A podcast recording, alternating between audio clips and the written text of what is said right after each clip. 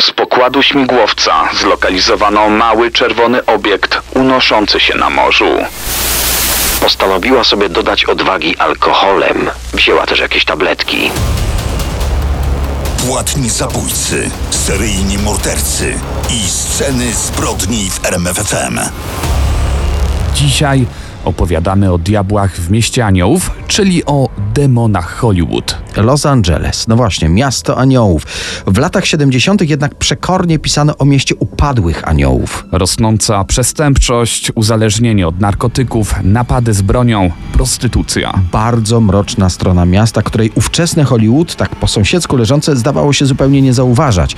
A to właśnie wtedy, przez dwa lata, grasował tutaj dusiciel z hollywoodzkich wzgórz. A właściwie, jak się okazało, dusiciele, o których opowiemy już za moment. To są sceny zbrodni w RMFFM i robi się mrocznie. Czas poznać historię dusicieli z Hillside, ze wzgórz. Początek końca ich zbrodniczej działalności to tak naprawdę kłótnia pomiędzy dwoma przybranymi kuzynami mieszkającymi w Los Angeles. W wyniku różnicy zdań, jeden z nich w 79 roku wyjeżdża z miasta. Ci dwaj kuzyni to 28-letni Kenneth Alessio Bianchi i 45-letni Angelo Buono Jr. Kenneth przyjechał do miasta Aniołów w styczniu 1976 roku, stracił dotychczasową pracę. No może dlatego, że poprzedniego szefa okradł. Zresztą w ogóle miał problem z utrzymaniem dłużej jakiejkolwiek posady i no zbyt często tracił pracę w związku właśnie z kradzieżami. Jego starszy kuzyn Angelo mieszkał tu od kilku lat. Miał warsztat tapicerski. Wiele razy opowiadał, że praca czeka na młodego. Byli jak ogień i woda. Angelo miał bogatą kartotekę policyjną, kradzieże aut, napady, gwałty na kobietach, a Kenneth, mimo tej złodziejskiej pasji, odkąd pamiętał, chciał zostać policjantem. Nie udało mu się uzyskać posady w mundurze w rodzinnym mieście, jednak w Los Angeles no, liczył w końcu na posadę detektywa. Zanim jednak wskoczy w ten wymarzony mundur, pracuje w warsztacie tapicerskim.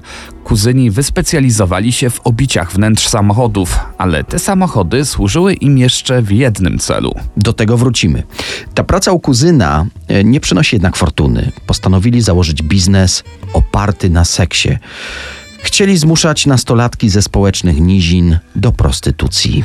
Ale po wspomnianej kłótni między kuzynami, Kenneth Bianchi wyjeżdża do Bellingham. Tu wreszcie otrzymuje upragniony mundur, choć jest to jedynie praca ochroniarza. Zawsze umiał manipulować ludźmi, przekonał szefów firmy ochroniarskiej, że ma ogromne doświadczenie w zawodzie, nie wymagali innych rekomendacji. Jako ochroniarz poznawał policjantów. Zawsze starał się dotrzeć ze swoimi wpływami wyżej i wyżej. Z czasem dzięki koneksjom został szefem jednego z oddziałów firmy ochroniarskiej. Jego wpływy i znajomości rosły, w końcu uznał, że dzięki nim ma szansę wreszcie zaliczyć egzamin policyjny, zdał do szkoły policyjnej w Bellingham, trafił na listę oczekujących na etat funkcjonariusza. Był dosłownie o krok od spełnienia swojego marzenia. I wówczas odezwała się jego mroczna natura, która z prawem nie miała absolutnie nic wspólnego. Styczeń roku 1979. Firma ochroniarska, w której pracował, miała oko na dom, który, jak wiedział, pozostaje pusty już od jakiegoś czasu. Zdobył do niego klucze i tak pozamieniał się na zmiany, że pilnował go jako jedyny w jedną konkretną noc. Upatrzył sobie już wcześniej studentkę, Karen Mandik. Zwabił ją do wspomnianego domu właśnie tej nocy. Zaoferował dziewczynie 100 dolarów, jeśli popilnuje posiadłości za niego. On w tym czasie ma pilniejsze załatwienia. Uprzedził dziewczynę, że wszystko ma zostać w tajemnicy, tak by reputacja firmy ochroniarskiej nie ucierpiała. Układ był czysty. 100 dolarów za spokojną noc w luksusowym domu. Karen jednak wprowadziła do planu niespodziewaną poprawkę. Bała się być sama w pustym apartamencie. Wzięła ze sobą koleżankę Diane Wilder. Złamała też obietnicę zachowania wszystkiego w sekrecie. Powiedziała swojemu chłopakowi, że wykonuje zlecenie dla niejakiego Kenefa Bianciego. Ale o tym Bianchi nie wiedział. Za to fakt, że w pustym domu czekają na niego nie jedna, a dwie dziewczyny, bardzo go ucieszył. Dla obu młodych kobiet ta noc była ich ostatnią. Bianchi zjawił się w rezydencji, obezwładnił kobiety i brutalnie wykorzystał. Od początku planował, że zwabiona przez niego studentka nie przeżyje tej nocy. Fakt, że w domu zastał dwie studentki, nie wpłynął znacząco na jego decyzję. Wspomnieliśmy, że Karen powiedziała swojemu chłopakowi, że wykonuje zlecenie dla niejakiego Bianciego. Gdy rano nie wróciła z tej dorywczej pracy, jej chłopak rozpoczął poszukiwania, a gdy nigdzie nie mógł jej odnaleźć, zgłosił zaginięcie na policję. Dwaj śledczy przydzieleni do tej sprawy upewnili się, że dziewczyny po prostu gdzieś nie wyjechały. Takiej możliwości zaprzeczyły ich koleżanki ze studiów. Dziewczyny miały kota w mieszkaniu. Na pewno by go nie zostawiły bez opieki. Śledczy zapytali więc Bianciego, czy zna zaginioną dziewczynę. Ten zaprzeczył i tym samym wzbudził ich podejrzenia. Zaczęli sprawdzać jego przeszłość. W końcu był nowy w Bellingham. Równocześnie zaczęły się poszukiwania samochodu zaginionej studentki. Jego opis i zdjęcia nastolatek wysłano do prasy. Jedna z czytelniczek skontaktowała się po tym artykule. Dała znać, że widziała poszukiwane auto. I rzeczywiście to było to auto, a w nim przerażająca zawartość. Zwłoki dwóch młodych dziewczyn, rzucone jedna na drugą, jak to wspominali policjanci, niczym worki z mąką, okaleczone i uduszone. Były to właśnie zaginione studentki. Wówczas śledczy zdecydowali się przeszukać mieszkanie jedynego człowieka, którego nazwisko pojawiło się przy okazji zaginięcia Kenefa Bianciego. Na miejscu znaleziono sporo kobiecej biżuterii, a także intrygujące wycinki z gazet Los Angeles.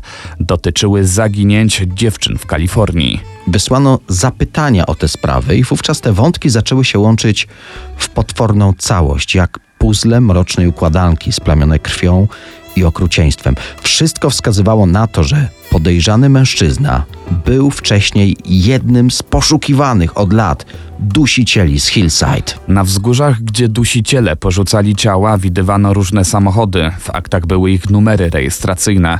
Za to zgadzały się rysopisy dwójki tajemniczych mężczyzn i odciski ich dłoni. Śledczy zatrzymali Bianciego, nie stawiał oporu i chętnie opowiedział, jak to pracował w spółce z kuzynem w LA.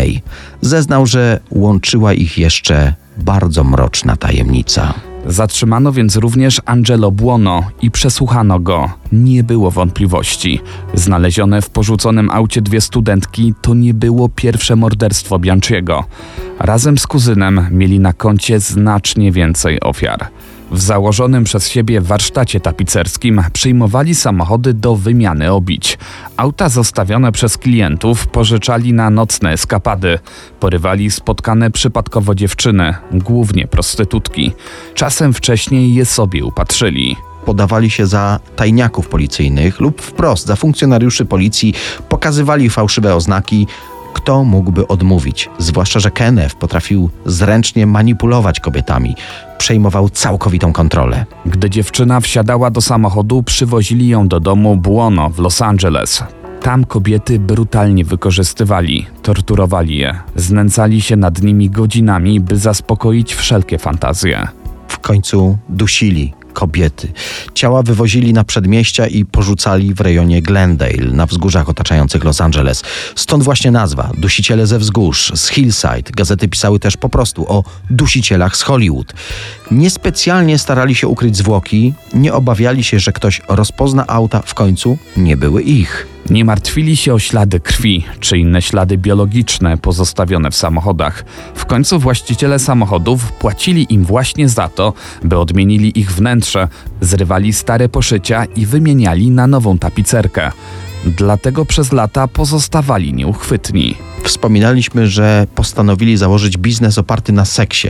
Skusili dwie młode dziewczyny z ubogich rodzin, to były Sabra Hanna i Becky Spears. Nie wiedziały, co je czeka. Kuzyni do posłuszeństwa zmuszali je biciem i gwałtem. Zamykali je w pokojach, do których wpuszczali klientów. Jedna z dziewczyn w końcu uciekła, zgłosiła sprawę, ale biznes sutenerski kuzynów nie upadł. Postanowili zatrudnić dwie zawodowe prostytutki. Jedna z nich, Yolanda Washington, obiecała im sprzedać nawet listę klientów korzystających z ich usług. Okazało się, że lista jest fałszywa.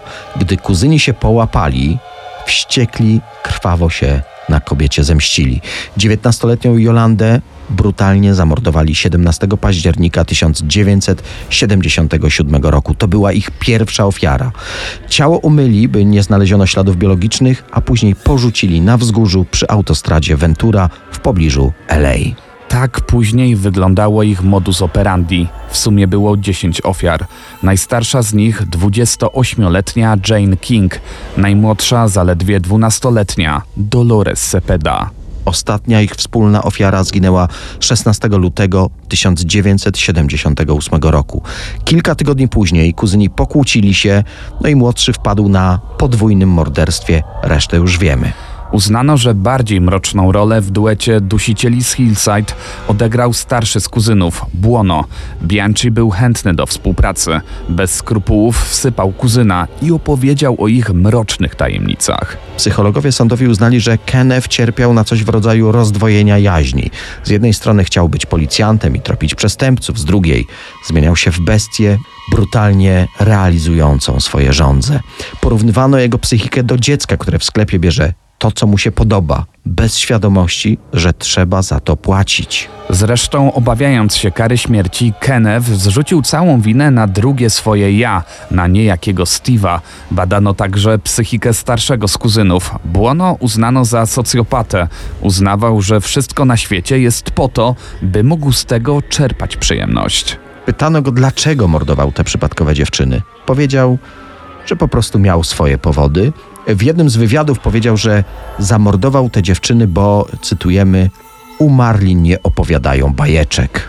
Opinia biegłych lekarzy i pójście Kenefa na pełną współpracę z policją wpłynęły na sąd w ten sposób, że nie domagano się dla kuzynów kary śmierci, ale dożywocia. Ja wtrącę, że później Kenneth zmienił zdanie. Dziennikarzom w ogóle próbował wmówić, że za wszystkim stał jego starszy kuzyn, a zeznania wymusili na nim policjanci siłą i biciem. Poszedł jeszcze dalej. O swojej niewinności przekonał kobietę, z którą zaczął się spotykać w więzieniu.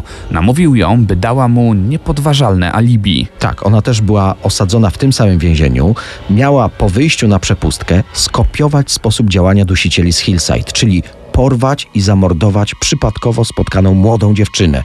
To miał być dowód, że prawdziwy sprawca przebywa na wolności i nadal morduje, a kuzyni są niewinni. Ta kobieta, Weronika Campton, wierzyła w jego niewinność i chciała dla niego zrobić wszystko. Poleciała do Bellingham, miejsca ostatnich morderstw. Jednak przed akcją postanowiła sobie dodać odwagi alkoholem. Wzięła też jakieś tabletki. Ostatecznie, gdy próbowała udusić swoją ofiarę, została zatrzymana. W listopadzie 1981 roku rozpoczęło się postępowanie, o którym prasa po jakimś czasie pisała najdłuższy proces świata. Ostatecznie obaj kuzyni zostali skazani na karę dożywocia bez możliwości wcześniejszego warunkowego zwolnienia. Angelo Buono zmarł w więzieniu na zawał serca w 2002 roku. Kenneth Bianchi za krat uwiódł kolejną kobietę. Nawet się z nią ożenił. Wciąż przebywa w więzieniu. Musimy wspomnieć o jeszcze jednym wątku w tej sprawie. Obaj kuzyni urodzili się w Rochester w stanie Nowy Jork. W latach 71-73 doszło tam do morderstw trzech dziewczynek w wieku 10, 11 i 11 lat.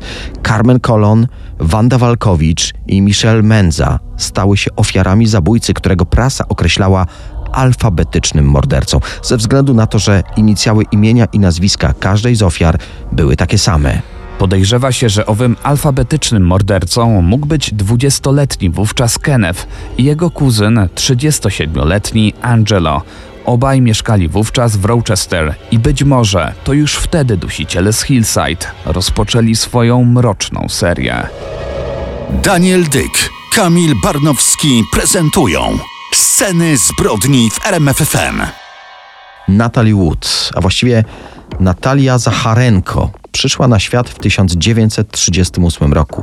Jej rodzice pochodzili z Rosji. Wojna domowa w kraju zmusiła ich do ucieczki do Chin, a później różnymi drogami dotarli do Kalifornii w Stanach Zjednoczonych. Gdy Natalie miała 4 lata, razem z mamą trafiła na plan zdjęciowy, gdy w okolicy miasta Santa Rosa kręcono film. Tak trochę przypadkowo rozpoczęła się jej wielka kariera aktorska. Producenci zmienili nazwisko dziewczyny z Zacharenko na Wood. Po części był to hołd dla znanego reżysera Sama Wooda, ale przede wszystkim nowe amerykańskie nazwisko miało pomóc młodej aktorce w zdobywaniu ról. Natalie zadebiutowała na wielkim ekranie, gdy miała niespełna 5 lat. Mama dziewczynki, Maria, robiła wszystko, aby córka osiągnęła sukces w branży filmowej. Była jej bardzo bezwzględną menadżerką. Podporządkowała życie całej rodziny pod karierę Natalii. Pilnowała, aby mała aktorka doskonale znała na pamięć całą swoją rolę.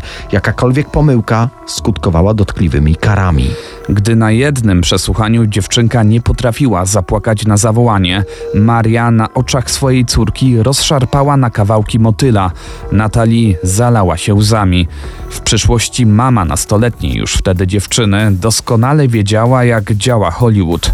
Podstawiała swoją córkę różnym prominentnym reżyserom, aby przez łóżko zapewnić jej atrakcyjną rolę.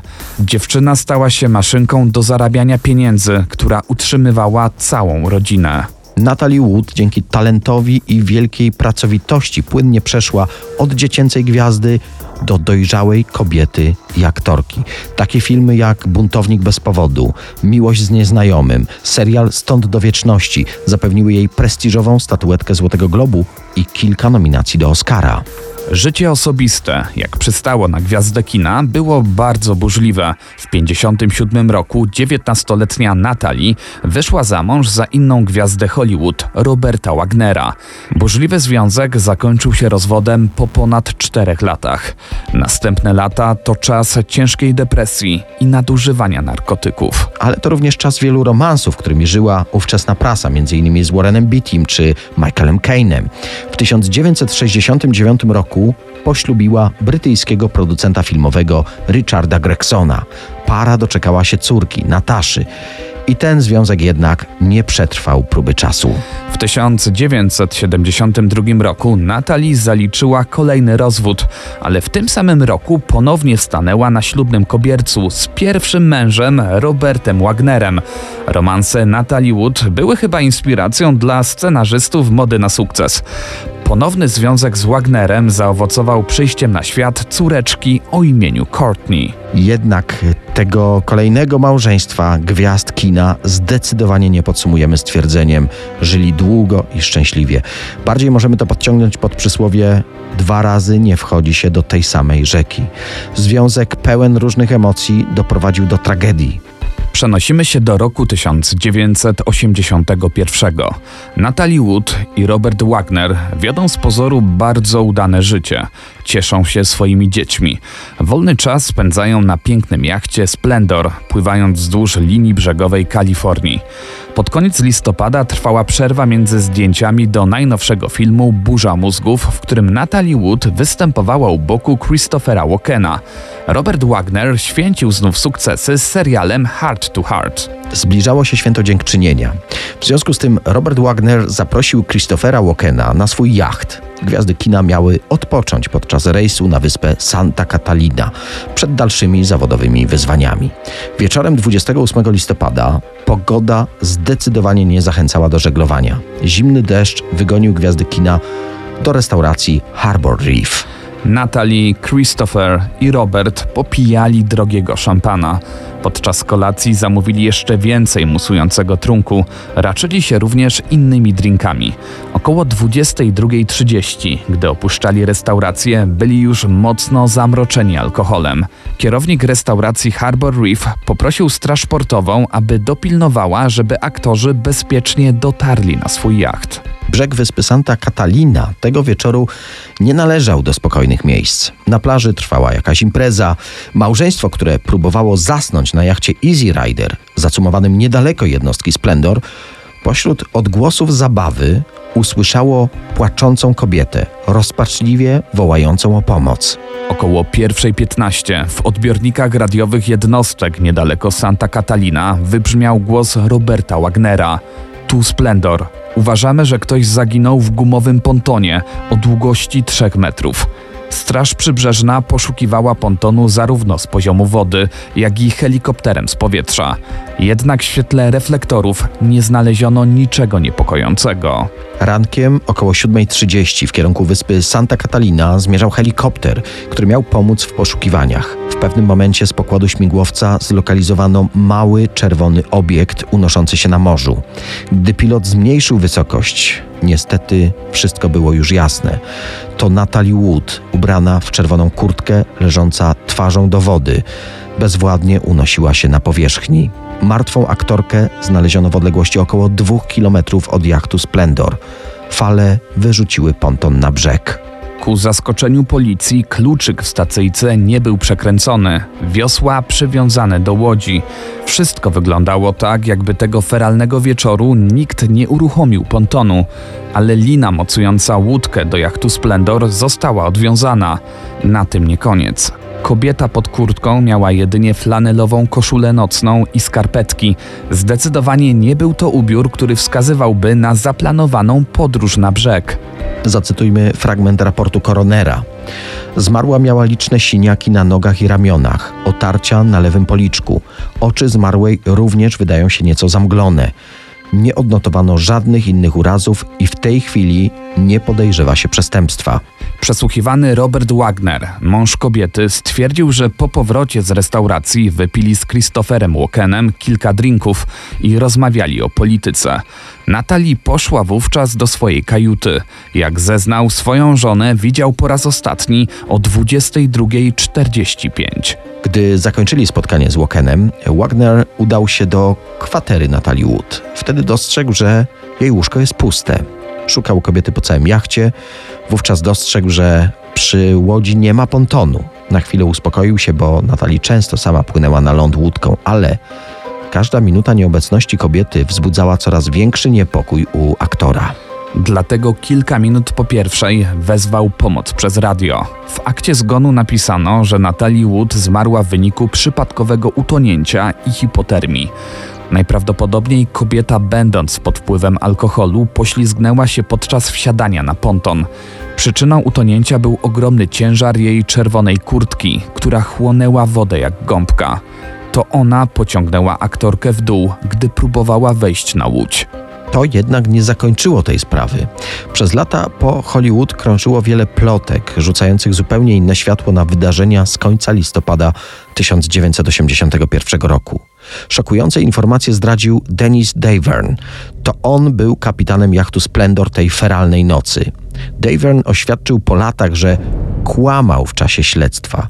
Według kapitana po imprezie w restauracji Harbor Reef na jachcie doszło do poważnej kłótni między Robertem Wagnerem i Christopherem Walkenem. Wagner był zazdrosny o swoją żonę. Twierdził, że Walken flirtuje z Natalie Wood i to z wzajemnością. Według kapitana między małżonkami doszło do szarpaniny. W końcu Wagner popchnął żonę tak mocno, że ta wypadła za burtę. Potem miał rzucić do kapitana Daverna. Zostaw ją tam, daj jej nauczkę. Pijany aktor uniemożliwił też kapitanowi włączenie świateł na jachcie, aby wyłowić kobietę z wody. Następnie zamknął się w swojej kajucie. W związku z tymi informacjami kapitana jeszcze raz przeanalizowano dowody w sprawie. W efekcie zaktualizowano akt zgonu słynnej aktorki. Przypadkowe utonięcie zmieniono na utonięcie i inne nieokreślone czynniki. Czy szokujące informacje kapitana Daverna są prawdziwe? W 2013 roku opublikowano uzupełnienie do raportu z sekcji zwłok Natalie Wood. W dokumencie czytamy, że siniaki na ciele aktorki mogły powstać zanim wpadła do wody, ale nie można tego ostatecznie potwierdzić. W 2020 roku asystent koronera Tomasa Noguchi, nazywanego również koronerem gwiazd, który badał sprawę Natalie Wood, przekazał mediom, że obrażenia kobiety wskazują na to, że kobieta została wyrzucona z jachtu. Te informacje uwiarygadniałyby wersję o morderstwie znanej aktorki. Wiele wskazuje na to, że prawda o śmierci Natalie Wood pozostanie jedną z kolejnych nierozwiązanych tajemnic krwawych wzgórz Hollywood. Sceny zbrodni w RMFFM.